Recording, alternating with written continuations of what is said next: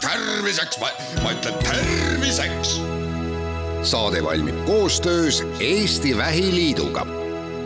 tere, head Kuku kuulajad, eetris on saade Terviseks ja kui me eile rääkisime meeste tervisest, siis tänasel teemal jätkame. mina olen Ingela Virkus ja koos minuga on stuudios Lääne-Tallinna Keskhaigla uroloog doktor Rauno Okas, tere taas! tervist! Me rääkisime eelmises saates sellest, et äh, mehed ei ole kuigi aktiivsed arstil käijad ja pigem minnakse arstile juba mingi väljakujunenud haigusega, mis vajab siis juba kallist ja raskemat ravi, ehkki see terviseteadlikkus on siiski paremuse poole minemas, et mida on täna ka tervishoiusüsteem ise teinud äh, ära selleks, et äh, see mees saada varasemalt kätte ja tuua ta arstile, et probleeme varakult avastada? No hetkel olemasolev korralduse puhul on, teevad väga suure töö ära perearstid, kes äh, jälgivad muuhulgas äh, nii-öelda meeste terviseanalüüse ja, ja, ja, ja teevadki nii-öelda esmast sellist äh, kabinetipõhist screening ut ja, ja, ja siis noh, eesnäärmevähi puhul siis selle BSA väärtuse tõusu puhul siis suunavadki uroloogidele edasi täiendavateks uuringuteks. käesoleva aasta septembrikuus kuulutas Euroopa Komisjon eesnäärmevähi selliste haiguste sekka, mille puhul varajane avastamine siis aitaks päästa elusid ja ja, ja selle puhul hetkel tegelikult ei ole kusagil Euroopas väga hästi toimivat nii-öelda sõeluuringut. aga nii mitmetes Euroopa riikides on, on koostamisel selle ettevalmistavad pilootprojektid ja, ja samamoodi ka Eestis. ja see Eestis praegu nii-öelda ettevalmistatav pilootprojekt ongi ka selle üle-euroopalise uuringu üks, üks osa. ja, ja see loodetavasti algab võib-olla järgmise aasta teises pooles, et seal on praeguste plaanide järgi osalemas neli Eesti suurimat haiglat ja, seda tehaksegi siis koostöös äh, ka perearstidega, et kui siis perearstikeskustest helistatakse siis sellele sihtgrupi meestele ja siis kutsutaksegi esmasele uuringule analüüsi andma ja siis äh, sealt siis vajadusel tulevad edasised uuringud. aga kes oleks äh, eesnäärmevähi sõeluuringu nii-öelda siis sihtrühm peamiselt? no selle pilootprojekti sihtrühm on praeguse seisuga planeeritud viiekümne kuni viiekümne üheksa aastased mehed. mille põhjal see programm üldse äh, loodi või et äh, miks see oluline on, et kui levinud eesnäärmevähk täna on? eesnäärmevähk on ülemaailmselt äh, teine kõige sagedasem kasvaja meestel ja ütleme, viimastel aastatel on Eestis olnud siis suurusjärgus tuhat, tuhat ükssada eh, uut esmasjuhtu aastas. miks see tekib? jaa, ma võib-olla eelnevalt natuke räägin üldse, et mis see eesnääre on ja, ja, ja, ja mis tema funktsioon on, et ta on selline näärmeline organ, mis eh, on ainult meestel ja ta asub kusepõie all, vaagnas, võib võrrelda sellise Eh, lauatennise palli suurusega ja temast kulgeb läbi kusiti ja mõlemad seemnejuhad. ja põhi, üks põhilisi eh, funktsioone üldse eesnäärmel on eh, reproduktiivfunktsioon, et ta toodab seemnevedeliku jaoks seda vedelat komponenti, et kui seemnerakud tulevad munanditest seemnejuhade kaudu, siis eesnääret läbides tuleb sinna juurde see eesnäärme poolt toodetud vedelik. ja vanuses kusagil üle neljakümne, rohkem aga üle viiekümne, siis see eesnäärme näärmeline osa hakkab äh, paisuma või, või nii-öelda mahult kasvama. ja seda, see on see, mida kutsutakse nii-öelda selleks eesnäärme healoomuliseks suurenemiseks. ja see on ka hästi individuaalne meestel, aga see võib teatud juhtudel väljenduda selles, et ta mehaaniliselt äh, ahendab või pressib kinni seda kusiti kanalit ja seetõttu hakkab urineerimisvaevusi tekitama ja, ja tegelikult umbes äh, samas vanusegrupis äh, on nagu see, kus äh,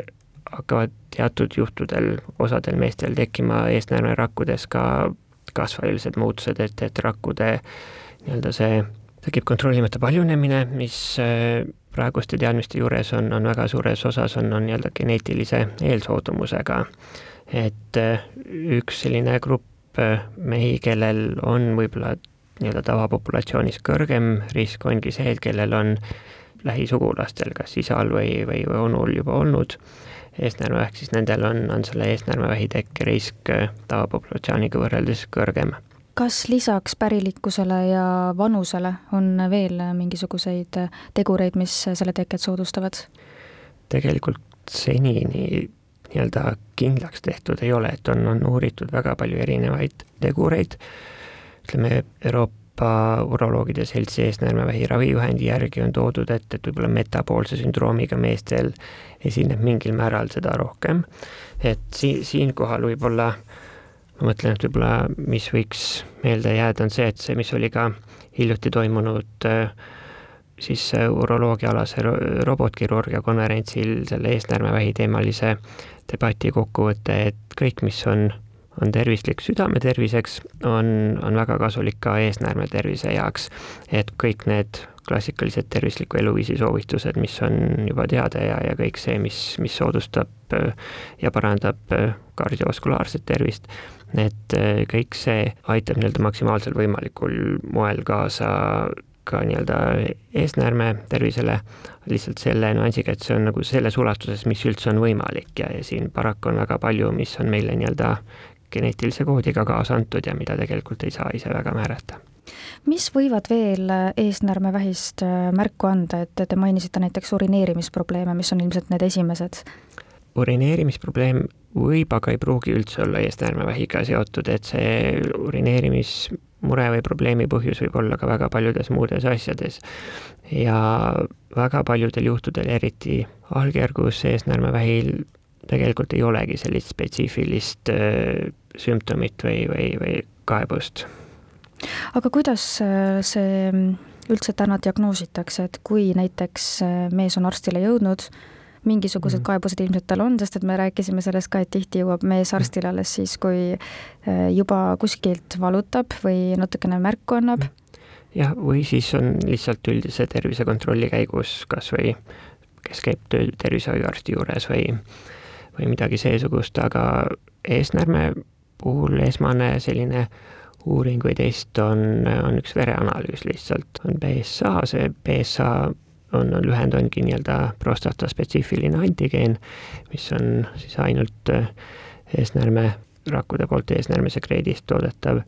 molekul ja, ja selle siis äh, määramine vereanalüüsist. ja, ja kui selle väärtus on siis ka siis äh, ealisest mediaanist kõrgem, et siis, siis tavaliselt juba suunataksegi uroloogi juurde täpsustamisele. ja mis siis edasi saab, kui teie juurde on jõutud? tuleb ju väga, selle BSA analüüsi juures on, ongi oluline vaadata seda konteksti, et esiteks, et kas on teada ka mingisugused varasemad tulemused, mis on see olnud dünaamikas, mis on see hetkeväärtus, on oluline teada ka, et kas ja missugused on, on kaebused, sest et BSA iseenesest, seda mõjutavad väga mitmed faktorid, et ta võib olla, selle väärtus võib olla tõusnud esiteks lihtsalt täitsa nii-öelda normaalsete igapäevaelu füsioloogiliste tegurite tõttu, näiteks see BSA väärtus mingil määral natuke tõuseb ka pärast seenepurset, pärast seksuaalvahekorda ja selle puhul ei, ei ole alati vaja kõiki järgnevaid uuringuid teha, et, et see, on üks asi, mida täpsustada, siis nende kaebuste puhul ongi see, et kas ja kui palju on urineerimishäireid, kas on mingisuguseid valusid, kas see võiks viidata ka põletikule, sest ka põletikuline seisund, tõsta selle BSA väärtust. lisaks siis tõesti, kui juba on see eesnäärme mahuline suurenemine, siis, siis ka sellisel puhul on see eh, väärtus tõusnud, et seega eesnäärme maht on oluline teada ning tõesti ka eesnäärmevähi puhul on, on see on nagu üks tegur, mille puhul on, on see BSA väärtus tõusnud, aga et, et lihtsalt ühekordselt tõusnud BSA väärtus, see vajabki nii-öelda nagu täpsustamist, et mis suunas ja, ja, ja milliste uuringutega edasi minna. milline on aga täna eesnäärmevähi ravi? Eesnäärmevähi ravi sõltub väga palju selle haiguse staadiumist või lokalisatsioonist, et kas ta on piirdunud ainult eesnäärmega, kas ta on nii-öelda lokaalselt levinud ka eesnäärme läheduses olevatesse vaagna lümfisõlmedesse või siis on juba levinud kaugemale asetsevatesse lümfisõlmedesse või, või teistesse organitesse, kas näiteks luusse või siis veel edasi. ja kui nüüd on tegemist lokaalse eesnäärmevähiga, mis, mis ongi ainult eesnäärme ees endas, siis see ravitaktika valik sõltub tema nii-öelda progressiooni riskist. et osad eesnäärmevähid on väga madala progressiooni riskiga ja arenevad üliaeglaselt, eriti kui see näiteks on avastatud võrdlemisi eakal mehel, kellel on juba palju muid haigusi, siis äh, südame või, või, kopsuhaigusi, mis, mis, mis muidu juba väga tugevalt äh, nii-öelda ohustavad elu, et siis sellise nii-öelda väga madala agressiivsusega eestnäärmevähk tõenäoliselt ei muutu temale muude haiguste poolt määratud elu jaoks ohuks ja sellistel puhkudel see ravi väga agressiivne ei ole. Ja teatud juhtudel ka noorematel meestel, siis on tegelikult käsitluseks aktiivne jälgimine, mis tähendab seda, et, teatud regulaarsusega korratakse neid uuringuid, vaadatakse, jälgitakse ja kui tekib siis muutus agressiivsemate vormide suunda, siis pakutaksegi juba tõsisemat, intensiivsem, invasiivsemat ravi. nüüd ongi äh, mida siis madalast progressiooniriskist edasi tulebki keskmise progressiooniriskiga eesnäärmevähk ja seal juba see aktiivse jälgimise osakaal jääb väga väikeseks ja ja kõige levinumad variandid ongi siis kas kirurgia, kus siis eemaldatakse eesnääre koos seemnepõiekestega või väliskiiritusravi. ja teatud juhtudel siis on tarvis ka eemaldada, kui on see kirurgiline ravi, siis lisaks ka vaagna lümfisõlmed kui efektiivne või edukas täna selline kirurgia ja kiiritusravi on eesnäärmevähi puhul? kui on tegemist lokaalse eesnäärmevähiga, mis, mis ei ole veel siirdeid andnud, siis mõlemad on onkoloogilises mõttes, ma ütleks, et, et ikkagi väga hea efektiga, et nende ravide tulemusel saab väga paljudel juhtudel patsiendi kasvaja vabaks ja, ja, ja ongi järelkontroll on pikka aega, aga paljudel juhtudel ongi see väga-väga pikka aega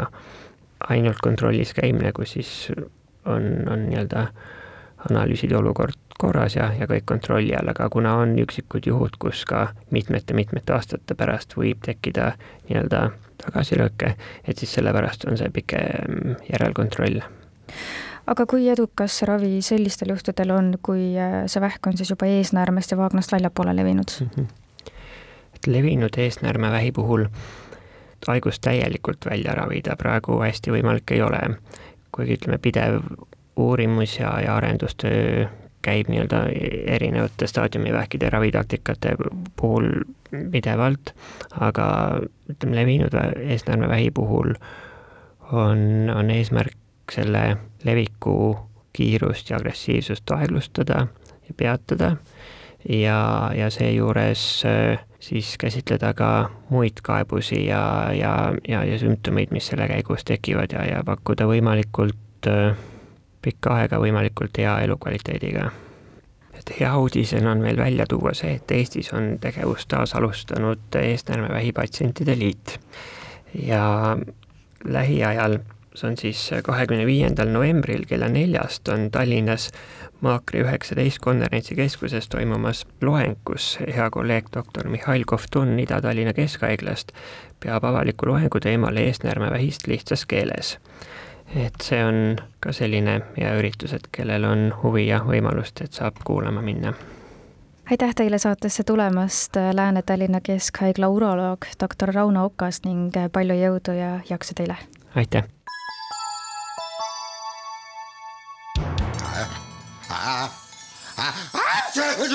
Terviseks, ma, ütlen terviseks. saade valmib koostöös Eesti Vähiliiduga